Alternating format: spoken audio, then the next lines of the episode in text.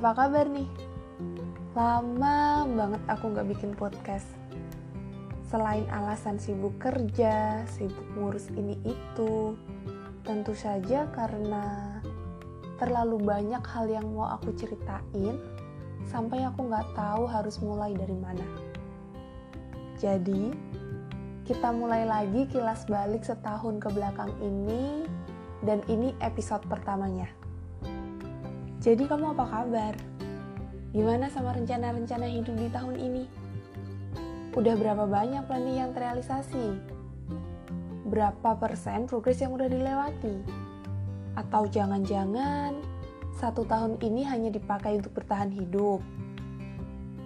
Kalaupun iya, ya nggak apa-apa. Berarti kita sama. Dari Januari sampai hari ini, aku sedang sibuk-sibuknya bertahan hidup dari hari ke hari. Melewati rutinitas yang sama berkali-kali sampai bosan setengah mati. Yang beda sepertinya cuma masalah aja yang makin variatif. Enggak sih, bercanda. Bercanda yang gak bercanda. Aku punya banyak sekali cerita tahun ini. Cerita bahagianya gak banyak sih, tapi cerita yang penuh makna dari segala sisi kehidupan, aku punya banyak sekali. Jadi tahun ini, aku tidak terlalu bahagia memang, tapi aku penuh sama rasa syukur bahwa aku mampu menghadapi banyak hal sampai akhirnya bisa bikin episode ini. Bukan, bukan aku gak mau bahagia, bukan aku menggantungkan bahagia ke orang lain, atau bukan aku nggak ingin menciptakan bahagia aku. Bahagia itu pilihan, bukan pemberian. Sungguh aku juga paham ini. Tapi satu tahun ini aku merasa kehilangan kemampuanku untuk merasa bahagia. Jadi satu tahun ini aku nggak terlalu bahagia bukan karena aku nggak mau. Tapi aku merasa aku kehilangan rasaku buat bahagia Iya, aku kehilangan kemampuanku merasa dengan tenang tanpa khawatir bahwa setelah bahagia akan kembali merasa sedih, kehilangan, perpisahan, ditinggalkan, kekecewaan, marah, dan benci dengan diri sendiri. Halah, kamu terlalu banyak overthinking. Kamu tuh terlalu insecure.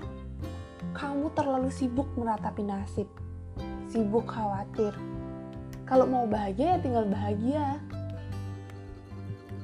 Listen, aku selalu berusaha mencipta dan merasa bahagia dengan diriku sendiri.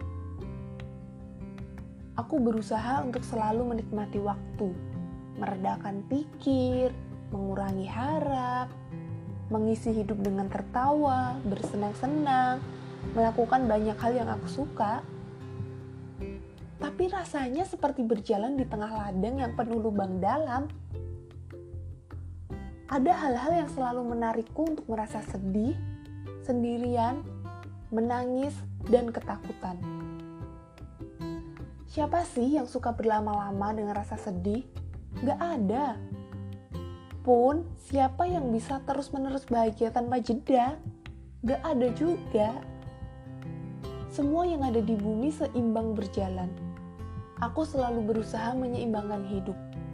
Bersedih secukupnya, lalu kembali menikmati hidup. Kamu tahu, ketawamu itu palsu. Tatapanmu sedih. Kamu suka tiba-tiba diam, merenung, hilang dari tongkrongan. Ya, orang-orang terdekatku tahu bahwa aku benar-benar berusaha untuk menikmati setiap waktu. Tapi tidak setiap waktu aku mampu. Mereka tahu bahwa aku sedang berusaha untuk menikmati waktu bersama mereka.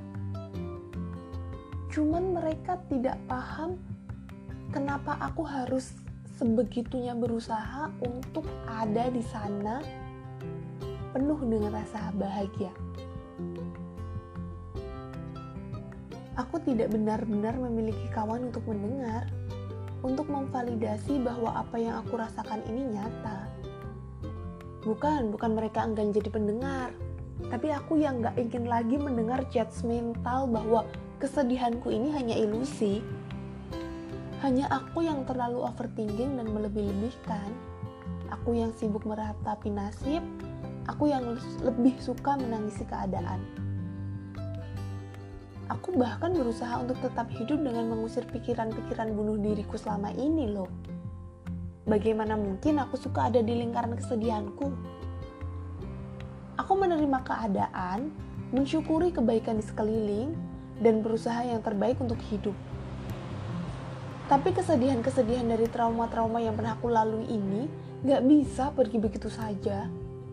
Ada saat-saat di mana aku gila karena sibuk ketakutan dan marah dengan apa yang harus aku lewati ini.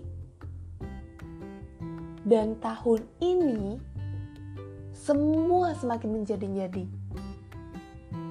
Jadi, kalau kamu mengatakan bahwa kamu terlalu sibuk bertahan hidup, aku percaya itu. Hidup memang gak selalu mudah untuk sebagian orang. Melewati satu hari untuk sebagian orang itu nggak sesederhana. Ya udah jalani aja. Dan bertahan satu hari untuk menyambut hari esok untuk sebagian orang sudah menjadi sebuah progres untuk dirinya sendiri. Mengafirmasi diri sendiri untuk berdamai dengan apa-apa saja hal yang menyakitkan yang pernah kita lalui itu tuh jadi salah satu mantra ajaib yang membuat kita sampai hari ini mau untuk terus melanjutkan hidup. Apa pun yang pernah kamu lalui tempo dulu, ingat bahwa di setiap harinya kamu berhak merasa bahagia. Kita berhak merasa bahagia. Jadi kalau tahun ini kamu merasakan apa yang aku rasakan seperti kehilangan kemampuan merasa bahagia, sering tiba-tiba sedih, merasa bahwa sendirian dan dan gak ada bayangan buat ke depannya akan bagaimana, kamu gak sendiri. Dan tujuanku untuk bikin podcast ini salah satunya untuk menemani kamu. Selain juga untuk sebagai catatan diriku bahwa aku pernah melewati ini. Dan ke depannya nanti, aku akan mengatakan bahwa kita pernah melewati ini dan kita tetap bisa bertahan hidup dengan bahagia yang kita ciptakan sendiri dan membagikan kebahagiaan kita untuk orang-orang di sekitar kita. So, thank you for listening dan sampai jumpa di obrolan selanjutnya yang akan lebih banyak cerita serunya. Bye bye.